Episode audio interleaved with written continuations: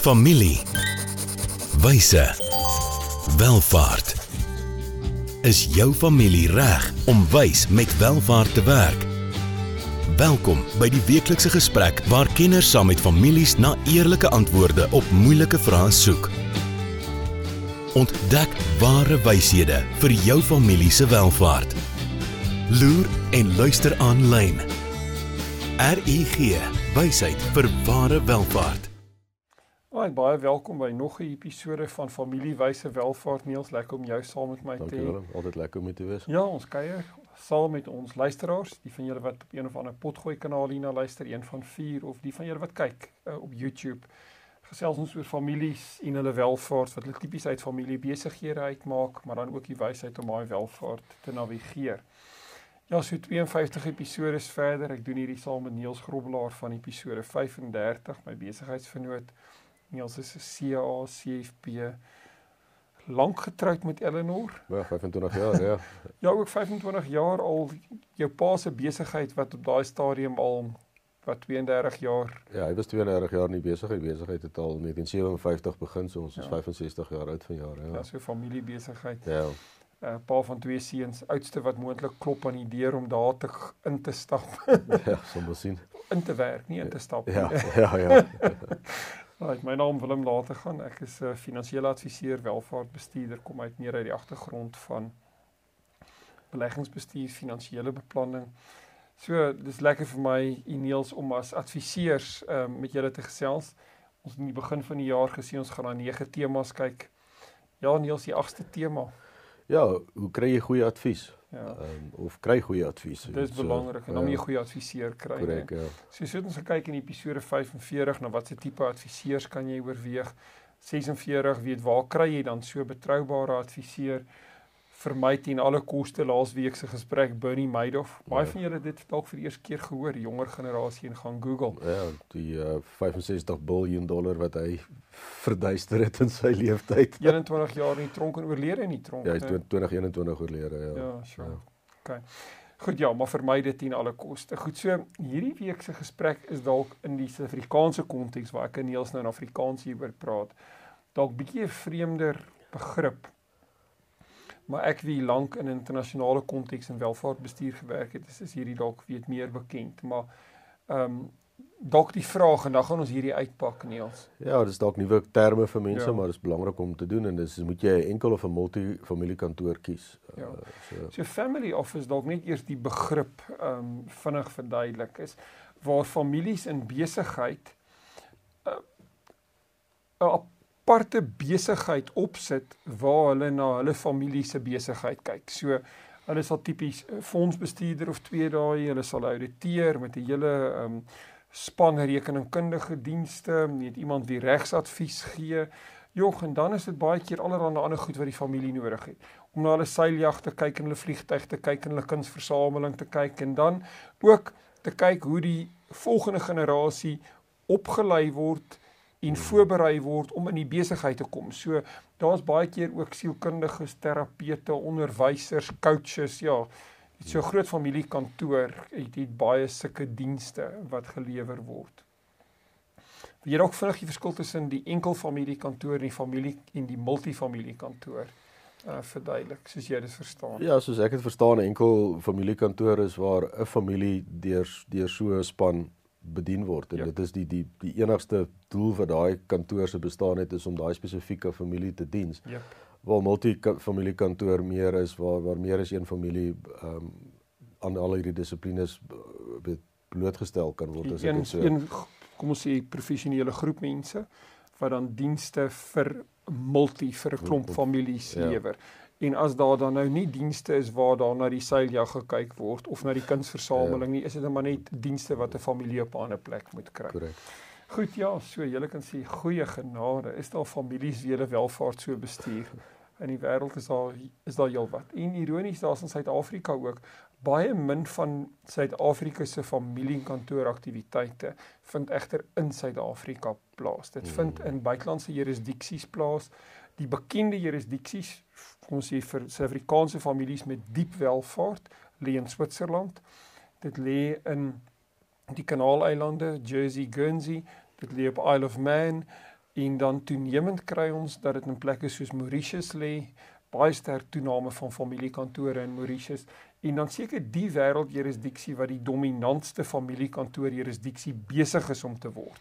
Meer as Londen en selfs meer as van die familiekantore in Amerika is Singapore. Mm, ja, ja, baie interessant om uh, daarna te kyk. Goed. So moet asseblief nie afskakel nie. Weet jy, jy dalk nog nie hierdie tipe welvaart nie, maar wie weet eendag, né? Ja. So kom ons luister. So ehm um, ons het afkortings hier vir 'n enkel familiekantoor en dan ook vir die multifamiliekantoor, maar goed, ek dink Niels ons het redelik verduidelik hoe mm. verskil die twee. En ek dink ons het lekker gesels ook oor die dienste, mm. weet wat in hierdie kantore aangebied word. So in die welvaart bestuursbedryf het word 'n familiekantoor dan tradisioneel gedefinieer as 'n organisasie wat dan toegewy is om 'n diverse reeks van finansiële dienste, boedelbeplanning, belasting, beleggingsadvies, rekeningkundige dienste, ja dan ook baie persoonlike familiedienste. Ehm um, en wel 'n familie is baie keer die sekuriteit, die hmm. veiligheid, ja, ja. weet van die van die hmm. individue. Ehm um, ja, so selfs leiwagte ja. speel 'n rol hierso. Goed, so ehm um, dalk 'n lekker definisie wat ons hiermee kan werk is 'n uh, familiekantoor kan gedefinieer word as 'n unieke familieonderneming. Ek dink is 'n insig om te verstaan hierdie is 'n besigheid op sy eie. Is, die ja. familiebesigheid kan dalk in vervaardiging en allerlei sulke goed wees. Hmm. Maar die oomblik wat hulle besluit hulle word 'n enkel familiekantoor net vir hulle familie of hulle gaan sluit aan by 'n multifamiliekantoor, is dit 'n aparte besigheidsbesluit. Maar hierdie familiekantoor, hierdie besigheid bied dan welvaartbestuursoplossings op 'n geïntegreerde wyse uh, vir die familie en ek dink wat baie belangrik hier is veral in 'n enkel familiekantoor om die unieke identiteit, die kultuur van daai familie ja. te bewaar, ja. maar dan ook die familie se waardes en hulle visie vir nie net wie hulle in besigheid is nie, maar ook vir wie hulle as familie vorentoe wil wees mm. om dit te help in stand hou. Mense kan dit baie keer aan my die oog verloor. Goed, so Ehm um, ons praat baie keer oor kapitaal, selfs ook in RG adviesdienste oor forme van kapitaal. So dit help baie keer om in terme van vier forme kap, van kapitaal te dink. So mm. die welvaart kom uit die besigheid, so daai kapitaal moet beskerm word ehm um, hierdie kapitaal is in die eerste plek finansiëel van aard, maar dan kan ons ook sien dit is sosiaal van aard, jy weet binne die familie. Hmm. En dalk Niels, ons het eintlik in ons vorige blok het ons bietjie oor impakbeleggings en filantropie gepraat. Ja. As jy miskien dalk net vinnig vir dalk van julle kykers of luisteraars wie die vorige blok gemis het, gaan terug daarna, maar as jy dalk nie dis dalk minder bekend. Ja, ek dink baie families wat aansienlike welvaart bymekaar gemaak het, eh, voel die behoefte om om 'n sosiale impak te maak en en en op 'n manier in filantropie uh, betrokke te raak en daar's verskeie forme wat hulle 'n bietjie gaan geluister oor oor hoe dit gedoen kan word. Ehm um, maar ek dink dis iets wat 'n familiekantoor 'n groot rol kan speel Verzeker. om om te bepaal wat die familie se visie daarmee is en en te help om uitvoering daaraan te gee. Ja, dit is baie keer buite die kennisvlakke eh, van van die familie. Hulle het ja. wel die behoefte, maar hulle weet nie om uitvoering daaraan te gee nie. Ja, hulle weet waaroor is hulle passievol en ek dink van ons lekker gesprekke hieroor ook was ehm um, hoe die verskillende generasies binne die familie en die mm. familiebesigheid ook impak op verskillende maniere wil maak. Correct. So gaan stof daai episode is gerus af as jy dit gemis het. Goed so in 'n familiekantoor word hierdie unieke familiebesigheid eintlik geskep om op 'n geïntegreerde manier weet dienste te lewer, jy weet terwyl die die die familie se identiteit ehm um, dan dan bewaar word. So ons het na 'n klomp van hierdie dienste verwys, maar ek dink dit help miskien dalk net ook om te sê hoe belangrik hierdie dienste is om binne 'n familiebesigheid kontinuïteit te verskaf. Hmm. Ons het baie wat ons oor familiebesighede al in hierdie program gesels het, gesels oor die oorgang of die oordrag van welvaart en die besigheid dan van een generasie na die volgende generasie en dan hierdie risiko's dat daar 'n verlies aan welvaart, skade in die besigheid kan kom in hierdie in hierdie oorgange. Hmm. En ek dink een van die groot goed met familiekantore is juist dat dit families help om daai om daai transisies, daai oorgange hmm. um, weet beter te kan uh, bestuur en dan ook baie keer in hierdie oorgange vir families 'n diep sin van identiteit te gee. Wie is hulle as familie? Hmm. Hulle nie uitmekaar uitspat of die besigheid dalk um, in stukke breek nie, maar dat hulle 'n diep sin van eenheid en samehorigheid in daai tye um beleef. En ek dink veral mense wie uit die gedragswetenskappe kom, kan in 'n familiekantoor ongelooflike waarde in daai spasie toevoeg. Right, so ek dink Niels, ehm um, dankie aan ons borg, RG adviesdienste. Kom ons vat gou 'n handelsbreek. Hoe gaan dit met jou geld sake? En met jou? Jy sien, in die soeke na wins vergeet jy soms om jou beleggings met jou waardes te belyn. En dis wanneer dinge begin skeefloop. So, het jou beleggingsportefeulje waarde en ook waardes. RUG Adviesdienste sorg dat jou beleggings by jou pas, sodat jy trots kan wees op elke maatskappy waarin jy belê. Hoe jy geld maak, maak saak. Belyn jou beleggings met jou waardes. Kry jou finansies op koers met 'n persoonlike padkaart na ware welvaart. RUG. Wysheid vir ware welvaart. Daai dankie aan RG wie hierdie vir ons moontlik maak. Ja, Niels episode 48 baie interessante onderwerp. Ja, baie meer spesifiek oor uh, in jou familie moet jy kies na 'n enkel familiekantoor of 'n multifamiliekantoor. Goed.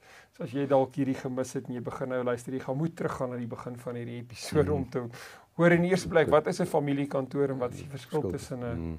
'n enkel en 'n multifamiliekantoor. Goed. Ja. So dalk baie prakties en ons gaan dollars hier gesels. So wanneer kan 'n familie 'n enkel familiekantoor struktuur opsit? Hmm. En hierdie is nie 'n funksie van nie net om die salaris van die professionele persone wie die familiediens te betaal nie, maar ook alles wat jy nodig het, die kantoorspasie. Ehm um, is die syfer wat die navorsingsfonds wys omtrent so 250 miljoen Amerikaanse dollar. Sjoe, ja, dis baie. Weet wat dit wat as jy daai boek van bates of beleggings het, maak dit die die moontlike bestuur van 'n enkel familiekantoor moontlik. So die van julle wat hierna luister wat daai tipe van bates het, ehm um, en nog nie enkel familiekantoor het nie, dit poort vir jou aanduiding te gee van wat hier moontlik is. Dan ehm um, kan mense sê, "Jog, maar nee, ek is dalk nog nie heeltemal daar nie." As 'n enkel familiekantoor dalk nog nie vir my nou beskore is nie, weet wat sal die tipiese kriteria dan vir 'n multifamiliekantoor wees? Dis dan dramaties minder nog steeds baie geld as jy die dollars uitmaal na rande toe. Ja. Maar dis so 50 um, miljoen Amerikaanse dollar. Dan kan jy al begin deelneem aan aan multifamiliekantoor ehm um, oplossings. Ja, en dan weet in so 'n familiekantoor wat 'n multifamiliekantoor is, ehm um, het jy adviseurs wie veelvuldige kliënteverhoudings dan diens. 'n Studie wat wys omtrent 83 kliënteverhoudings. Dis nie net 83 families per adviseur nie. Hmm. Maar 'n groep adviseurs kyk tipies na omtrent 83 verhoudings. Interessant, ja. ja. ja. Goed.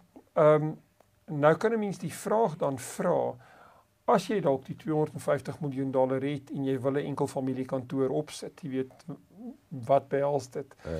En dit is 'n uh, dis 'n besigheid in eie reg. So daar hmm. gaan baie beplanning daarin om dit te ontwerp om um, nie net die regsdokumente reg te kry nie, maar ook te besluit in watter jurisdiksie sit jy dit op en watter span adviseurs gaan jy betrek of aanstel om dan saam met die familie in hierdie kantoor uh, te werk.